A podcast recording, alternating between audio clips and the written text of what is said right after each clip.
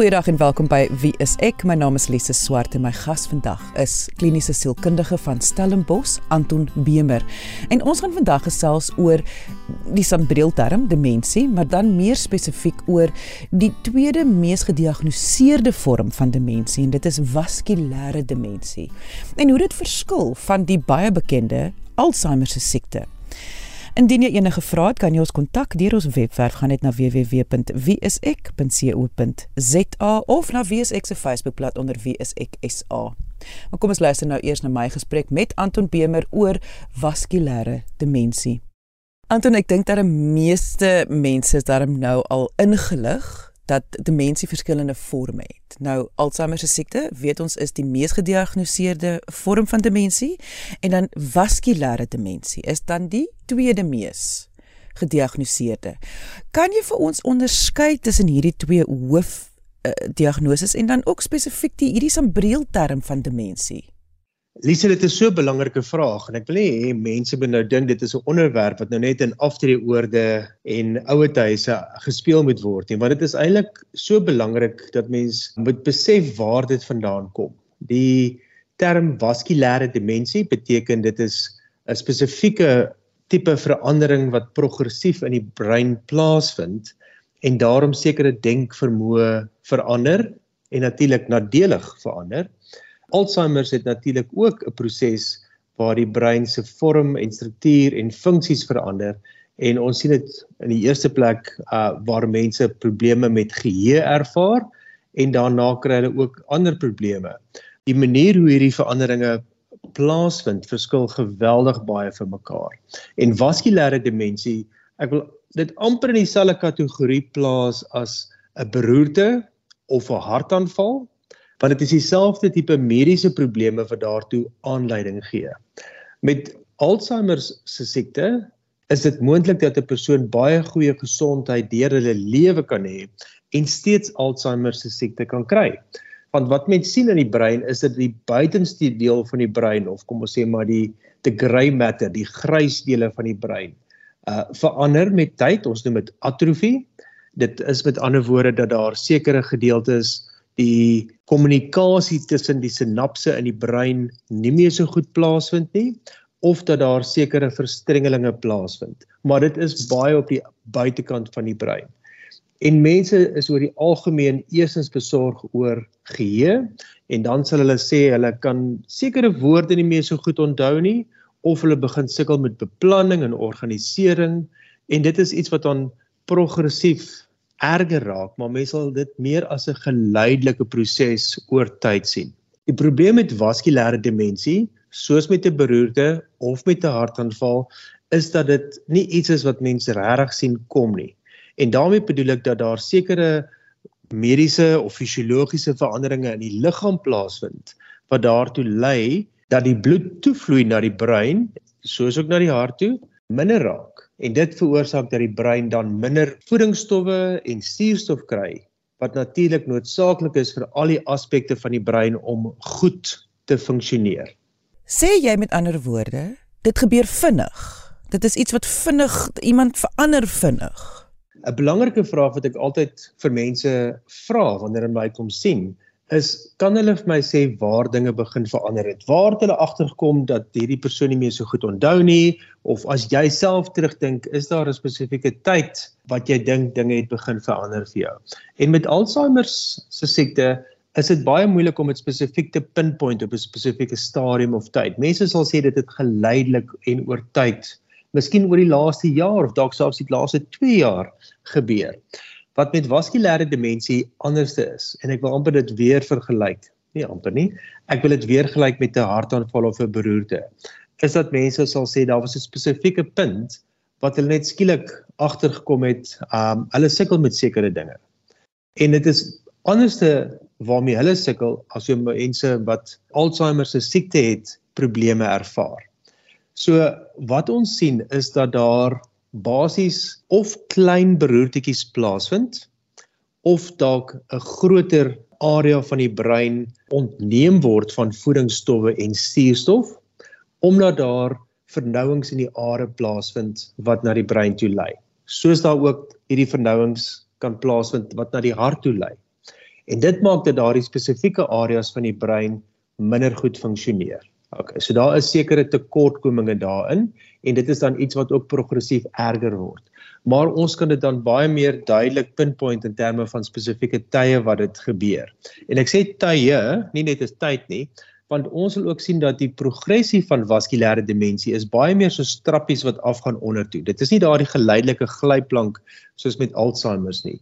En daardie trappies wat ondertoe gaan sal ons dan kan sê het iets in die brein gebeur wat dan da hierdie funksies benadeel. Maar Anton, sal dit altyd dieselfde dele van 'n brein affekteer of is dit nou amper soos uh, jy moet maar kyk wat gebeur. Dit kan enige deel wees, mens moet nou maar dit gaan oor die are en dit gaan nou maar oor die persoon. Ja, definitief. En ek dink ook dit is dit is die belangrikheid om te kyk watter funksies mense oorkla. En as ek sê funksies dan sê ons nou, mens kan ook sê kognitiewe vermoë. En baie keer sal mense sê hulle sukkel met aandag en konsentrasie. Hulle sukkel om hulle gedagtes te organiseer of hulle dat hulle soms ook sukkel om hulle emosies te organiseer en onder beheer te hou. Hulle kan baie keer verward voel of ook dat hulle stadiger dink. Dit is soms moeilik om aktiwiteite te organiseer en te beplan wat hulle van tevore goed gedoen het en op daai planne uit te voer en hulle sukkel ook om te besluit wat om volgende te doen. So die persoon kan baie besluitloos oorkom. Hulle kan ook baie rusteloos en selfs gefrustreerd met hulle self wees want uh, nog 'n belangrike verskil tussen vaskulêre demensie en Alzheimer se siekte is dat hierdie persone baie meer insig het in wat gebeur waar iemand met Alzheimer nie noodwendig besef hier is 'n probleem nie omdat dit so geleidelik plaasvind oor tyd. En ons sien ook omdat hierdie persone 'n goeie insig het dat hier wel sekere probleme is, dat dit ook kan aanleiding gee tot depressie en dat hulle baie meer apaties raak. Met ander woorde dat hulle minder belangstel in wat in die wêreld rondom hulle aangaan. En alles wat jy nou genoem het, dit is wat mense nou sal sien as die simptome van vaskulêre uh, demensie of is daar 'n spesifieke lys wat mens moet na kyk? Nee, dit is definitief die simptome en as ek dan ook toetsing doen met mense, sal ek ook kyk wat is dit waar daar probleemareas is en sommige van hierdie persone sal baie groter variasies het in hulle toetsresultate. Met ander woorde, hulle sal in sekere areas baie goed doen of soos wat mense verwag, iemand van hulle ouderdom moet toets en in sekere ander areas sal dit baie laer wees. So hierdie diskrepansies, verskille sê dan vir my dit is anderste. Waar met Alzheimer se mens verwag die geheue sal 'n duidelike probleem wees en dan gevolg deur ten minste twee ander probleme soos taal of uitvoerende funksies kan hierdie diskrepansies in vaskulêre demensie baie groter wees. Iets anders wat ek ook na kyk is dat so 'n persoon sal dalk vergeet dinge wat gister gebeur het. Hulle mag dalk dinge uit die verlede uit vergeet, maar as jy vir hulle leidrade gee, sal hulle dit baie vinnig herken. So hulle sal sê, "O ja, ja, ja, ja, nou dat jy dit so stel, ja nou onthou ek dit beter." Waar iemand met Alzheimer dit nie noodwendig sal goed onthou nie, veral dinge wat in die laaste paar dae gebeur het of ook dinge wat hulle nou later in die dag of môre moet doen. Maar Anton, kan dit dan nie beteken dat mense met was of 'n moontlike vaskulêre diagnose te laat gediagnoseer word nie? Dit voel vir my dat mense kan dit baie lank dan of so of ja, daarmee saamleef en so of ag iemand is miskien 'n bietjie de mekaar of bietjie ouer of so iets, so 'n verskoning sê. Ek ek dink dit is die probleem wat ons oor die algemeen ervaar dat mense te laat kom vir hulp, te laat kom vir 'n evaluasie, want hulle sal dit baie maklik toeskryf aan ag ouma is net 'n bietjie ouer, weet oupa was maar nog altyd bietjie verstrooid en so voorts gewees. Tot dinge regtig by 'n probleem uitkom of selfs 'n krisis uitkom. Maar dit is baie moeilik om regtig voorspellings te maak wanneer iemand 'n demensie mag ontwikkel. En weer eens met vaskulêre demensie omdat hierdie 'n baie stadige proses is wat plaasvind binne die liggaam as gevolg van hierdie vernouing van are wat plaasvind. Woorde wat mense baie keer gebruik is die aarverkalking. Weet jou are het verkalk. Ehm um, die meer tegniese terme is dat daar 'n arteriosklerose plaasvind. En dit maak dat hierdie bloedvloei deur die are met ander woorde verminder en dit mag te wees dat hier 'n plaak of vetterige uh, substansie binne die are aanplak en dit maak dat die are dan vernou. So die bloedvloei, die kwaliteit van die bloedvloei is nie meer so goed nie. En dit is ongelukkig nie iets wat ons kan sien nie. Dis nie regtig iets wat ons goed kan meet nie.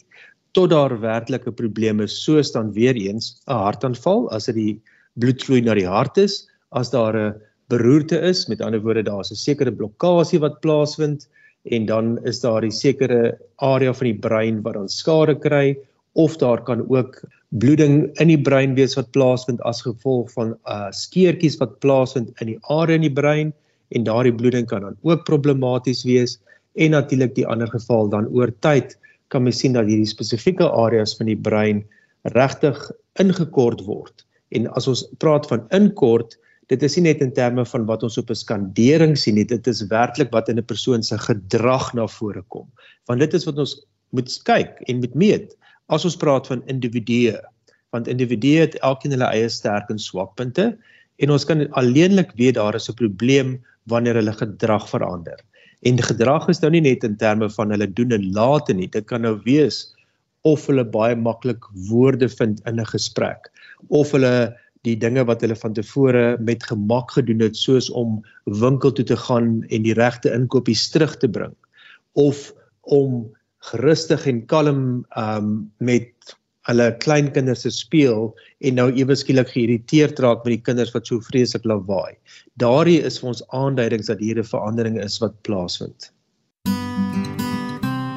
Jy luister na Wie is ek? My naam is Lise Swart en my gas vandag is kliniese sielkundige Anton Bemer en ons praat vandag oor die sambreelterm demensie, maar meer spesifiek oor vaskulêre demensie. Indien jy enige vrae het, kan jy ons kontak deur die webwerf gaan net na wieisek.co.za ZA of na Wie is ek se Facebookblad onder Wie is ek SA. Anton, wanneer jy nou so gesels en en jy bring in beroerte en jy bring in die hart en jy praat oor die are, dan dan dink ek by myself daar is al so baie in die mediese wêreld van die wetenskap waar hulle van dit kom by jou hart en en so kan werk daaraan daar daar is seker medikasies wat werk. So hoe behandelbaar is vaskulêre demensie weer eens dan teenoor Alzheimer se siekte? Dit is die moeilike vraag met 'n moeilike antwoord Lise want ons kan dit nie omkeer nie. En selfs in terme van hierdie proses wat oor tyd gebeur waar die are harder word, waar ons hierdie proses sien waar die aanpaksels binne die are plaasvind, omdat ons dit nie noodwendig kan sien nie, is dit moeilik om dit te behandel behalwe wanneer hierdie persoon ehm um, duidelike hoë bloeddruk het, wanneer hulle cholesterol het, wanneer daar tekens van diabetes is. En dit is om daardie onderliggende probleme te behandel. Wanneer daar wel 'n diagnose gemaak word van demensie of die term wat ook baie gebruik word neurodegeneratiewe verstoring want dit wys daaraan dat hierso iets is wat met ander woorde progressief erger raak dan is daar ongelukkig nie behandeling nie. So ons kan nie Alzheimer se siekte omdraai en hierdie persoon help om weer te funksioneer soos hulle van tevore funksioneer het nie. Dieselfde met vaskulêre demensie. En mens kan ook sê dieselfde met 'n beroerte dat na 'n beroerte kry 'n persoon rehabilitasie, dalk fisioterapie, arbeidsterapie, Ehm um, hulle kan spraakterapie kry en so voort en daar is 'n tyd waarin daardie funksies verbeter kan word deur hierdie oefeninge tot op 'n sekere vlak en ongelukkig dan nie verder nie. So die belangrike gedeelte is meer voorkomend in terme van dit wat jou gesond hou deur jou lewe nie net in terme van wanneer hierdie probleem wel plaasvind nie. En ons sien dat die grootste risikofaktore is ongelukkig Eerstens om ouer te word. Nou dit is nie iets wat ons kan vermy nie, dit is deel van die lewe. Ons almal word ouer. Niemand wil oud word nie, maar ons word ouer. Die tweede is dat as daar geskiedenis is van hartaanvalle, beroertes of selfs mini beroertes wat hulle noem TIAs, trans ischemic attacks, dan is daar 'n hoër risiko dan ook vir vaskulêre demensie. Maar ons moet ook kyk na dinge soos hoë cholesterol, bloeddruk, diabetes en natuurlik die ander twee wat mense definitief harder kan werk aan is om op te hou rook en as jy wel rook en jy wil nie ophou nie, minder te rook. Dit is baie belangrik omdat dit 'n impak het op die bloedvate of die are in jou liggaam en natuurlik ook om oorgewig te wees en ek praat spesifiek van mense wat baie oorgewig is. Dit is 'n beduidende risikofaktor vir vaskulêre demensie. En ek dink dat daardie probleme is iets wat mense met hulle lewenstyl kan aanspreek. Die ander risikofaktor wat ek dink ehm um, mense ook moet noem is arterial fibrillasie en dit is daardie tye wat jou hart by sommige mense 'n abnormale ritme inneem wat die boonste twee hartkamers baie baie vinnig begin klop asof daar 'n partytjie in die boonste kant is maar dit raak dan uit koördinasie met die onderste hartkamers. En dit gewig dit is hierdie verskriklike ongemaklike ervaring wat mense het. En dit is iets wat dan ook moet aangespreek word want dit verhoog ook die risiko van bloedklonte wat na die hart toe kan gaan of van die hart kan afbreek en dit is 'n risiko dan ook vir 'n beroerte. Ons het nou so baie goeters uh, ek dink op op op verskillende tye bespreek. Ek dink sommer 'n samevatting. Kan jy net vir ons gou geweer die simptome? As 'n geliefde nou vermoed, okay wag, hier is iets nou nie, nie lekker nie. Waarna moet hulle kyk spesifiek vir vaskulêre demensie? So, die belangrikheid is dat indien 'n persoon vir 'n lang tyd probleme met bloeddruk het en ek vernoem veral hoë bloeddruk as daar probleme met cholesterol is, indien hulle diabetes, as hulle 'n roker is, as hulle oorgewig is en hulle begin kla dat hulle sukkel om dinge, ek wil amper sê uit te figure, met ander woorde helder te dink. As hulle sê, "Eers maar hulle raak nou so die mekaar met hierdie dinge wat hulle in die verlede maklik gedoen het." As hulle sê dit voel vir my ek dink net stadiger of ook dat hulle baie besluiteloos oorkom in in wat hulle moet doen, dan mag dit tekens wees dat hier 'n verandering is. En daardie veranderinge kan vir ons 'n aanduiding gee dat hier 'n breinprobleem is wat dalk meer ondersoek moet word. Nou weer eens, as kliniese sielkundige doen ek baie toetsing met mense en daar's ander sielkundiges wat dit ook kan doen om te kyk hoe die brein funksioneer op die toetse wat ek doen in vergelyking met mense hulle ouderdom. In die tweede plek sou mens ook wil seker maak dat daar bloedtoetse gedoen word wat deur 'n psigiater, 'n dokter, 'n neuroloog gedoen kan word en dan ook 'n breinskandering wat vir ons 'n aanduiding gee van of daar 'n spesifieke probleem is wat mens kan sien in die brein. Dit wat mens sien, help ons ook om dinge uit te skakel, soos 'n breintumor of dat daar uh, 'n ou breinbesering is wat hierdie persoon dalk in 'n motorongeluk opgedoen het ensovoorts. Maar dit help ons ook om te sien of daar spesifieke areas van die brein is waar daar veranderinge plaasvind. Vernouing van are waar daar moontlike bloeding kon plaasgevind het of tekens van 'n beroerte. En dit kan verduidelik as ons ook kyk na die toetse, as ons kyk na die persoon se bloedtoetse, waarom is dit dat hierdie veranderinge plaasvind? Die rede kom ek wou gehad het dat jy dit net weer saamvat is wanneer jy dit verduidelik kan ook ander diagnoses wees. Ek bedoel dit kan dit wat jy verduidelik het van bietjie die mekaar vergeetagtig so jou gedrag. Dit kan depressie ook wees, angstigheid kan dit ook veroorsaak. Ons het al baie keer gepraat oor 'n blaasinfeksie wat dit ook kan veroorsaak. En die hele punt is hoe gouer jy dit net aanspreek dit beteken nie dis demensie nie, maar dit kan eh, dit, dit, dit hoe gouer jy dit aanspreek hoe, hoe beter is dit om dit te hanteer. En die ander twee punte wat ek daarbey wil inbring, Lise, want dit is geweldig belangrik wat jy nou sê, is ook tiroïedfunksie. So tiroïedfunksie kan ook probleme met geheue veroorsaak en natuurlik gemoedsprobleme soos depressie en sekere vitamintekorte of ystertekorte. So daardie dinge het ook 'n impak op aandag, konsentrasie en geheue. En deur hierdie toetsing te doen, kan mens ook sê okay, dit lyk eerder of dit die probleem is. So ons moet dit eerder aanspreek en indien ons dit aanspreek, kan dinge wel verbeter as dit die primêre probleem is. Maar dit is altyd my belangrik dat mense moet duidelikheid kry oor wat die werklike probleem is. Nie alleen ten opsigte van die situasie nou nie, maar ook oor jou toekomsbeplanning. Weet of jy sekere dinge in plek moet kry ten opsigte van jou finansies of jou blyplek of wat jy dalk vir jou familie wil sê as hulle bekommerd is oor jou dat hulle ook ingelig is oor of daar 'n probleem is. Ek dink die ander gedeelte is dat mense familie is soms geweldig bekommerd en hulle wil baie graag ondersteun, maar as almal onseker is oor die probleem en almal spekuleer, skep dit eintlik net meer angs. So dit is 'n baie goeie manier om daai angs aan te spreek deur meer duidelikheid te kry van wat die onderliggende probleem is. Anton as almal nou hier luister en en weer eens die vrees van demensie is is oorweldigend. Die mense verstaan dit. Dit is vir almal van ons. Dis 'n baie menslike reaksie want dit is 'n baie baie vreesaanjaende siekte. Is dit reg as mens jou eerste stap maar net na jou huisdokter gaan en maar net daar begin of moet 'n mens nou die groot stap neem en gaan na 'n kliniese sielkundige of 'n psigiater of 'n neuroloog? Die maklikste is om by jou huisdokter te begin, want dit is makliker om 'n afspraak te kry. En jou huisdokter kan al reeds sekere bloedtoetse doen of 'n kort geheuetoetsie doen om te kyk of daar aanduidings van 'n probleem is. En die huisdokter, indien jy nie self weet nie, kan jy dan ook verwys na die regte spesialis van daar af verder. Elkeen het sy eie rol om te speel en baie keer is daar 'n oorvleeling tussen wat neuroloog doen en psigiaters wat meer spesialiseer in demensie en geheueprobleme en hulle kyk na die mediese deel, skanderings, verdere bloedtoetse ensovoorts. As sielkundige wat meer neurosielkundige toetse doen, kyk ek hoe die brein werk. En daardie werkgedeelte sê vir ons, okay, hier is sekere verskille wat ingetree het as ons kyk na jou agtergrond wat jy as beroep gedoen het, jou opvoedkundige agtergrond, ook wat betref um mense van jou ouderdom wat die verwagting is hoe iemand sal toets van jou ouderdom.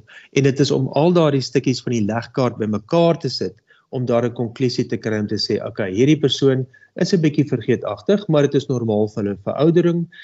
Hierdie persoon het dalk meer tekens van Alzheimer's of hierdie persoon het dalk 'n depressie en die depressie moet aangespreek word en dit kan lei tot 'n verbetering in hulle geheue Um en deur daardie legkaart te bou kan ons dan meer duidelike terugvoer gee en ons kan dit ook dan gebruik om te sê okay as ons jou weer oor 2 jaar sien vir my as sielkundige en ons doen weer 'n toetsing dan kan ons altyd resultate terugvergelyk na waar jy vandag is.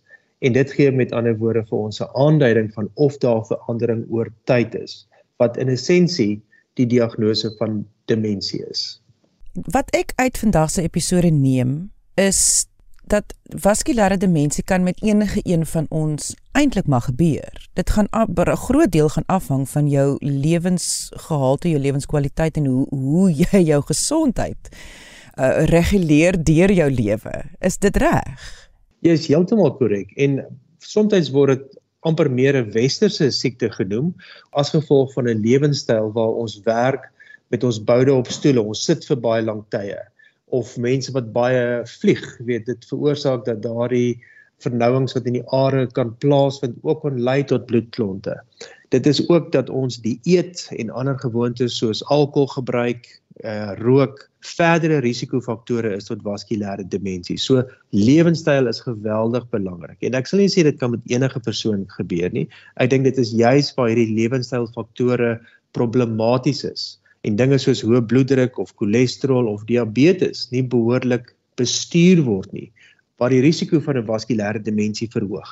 So lewenstyl is geweldig belangrik as mens wil kyk om hierdie te voorkom. En dit is natuurlik iets wat jy deur jou lewe moet doen. Dit is so belangrik indien daar wel kognitiewe inkorting is om regtig te weet wat 'n vorm van dit is dit. Is dit Alzheimer se siekte? Is dit vaskulêre demensie? Is dit Lewy body demensie? Is dit frontal temporal demensie? So daar is al hierdie verskillende forme van demensie wat elkeen anderste lyk en die progressie van elkeen is anderste. En om regtig te weet dit is waarmee ons werk, dit is die hulp wat hierdie persoon nie alleen nou nodig het nie, maar ook in die toekoms gaan nodig hê, is absoluut van onskatbare waarde vir familie. En dit was kliniese sielkundige van Stellenbosch, Anton Bemer. Indien jy enige vrae het oor vandag of jy nou die individu is wat dalk 'n demensie vermoed en of jy 'n geliefde is, kan jy ons kontak deur die webwerf. Gaan net na www.wieisek.co.za of na Wie is ek se Facebookblad onder Wie is ek SA. Dankie dat jy vandag ingeskakel het. Ons maak weer so. Volgende Vrydag, 12:30 hier op RSG. Jy moet 'n heerlike naweek hê en onthou Kyk mooi na jouself.